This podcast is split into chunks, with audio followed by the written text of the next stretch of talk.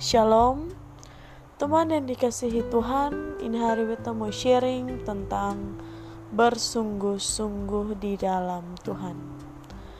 Teman-teman yang dikasihi Tuhan Terkadang ketong berbuat baik kepada seseorang Kadang ketong meminta imbalan Atau kadang ketong sonde bersungguh-sungguh.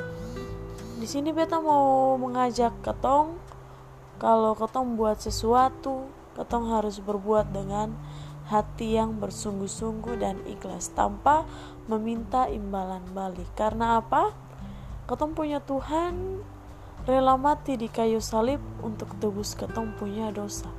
Jadi marilah ketong sebagai, sebagai anak Tuhan, ketong tunjukkan bahwa ketong punya Tuhan itu baik Ketong punya Tuhan itu dengan hati yang ikhlas. Jadi ketong harus meneladani dari sikap Kristus tersebut.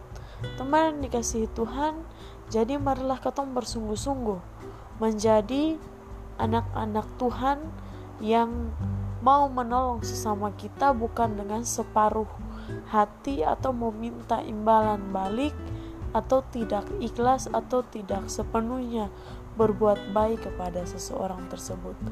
Mungkin kelihatan ketika ketong berbuat baik itu ketong lihat bahwa oh ketong yang buat yang ketong buat nih baik. Tapi di mata Tuhan jika ketong buat itu tidak baik, maka Tuhan melihat Tuhan memperhitungkan itu semua.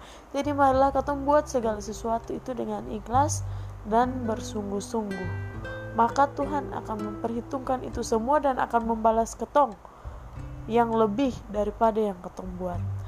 Baik, sekian. Shalom.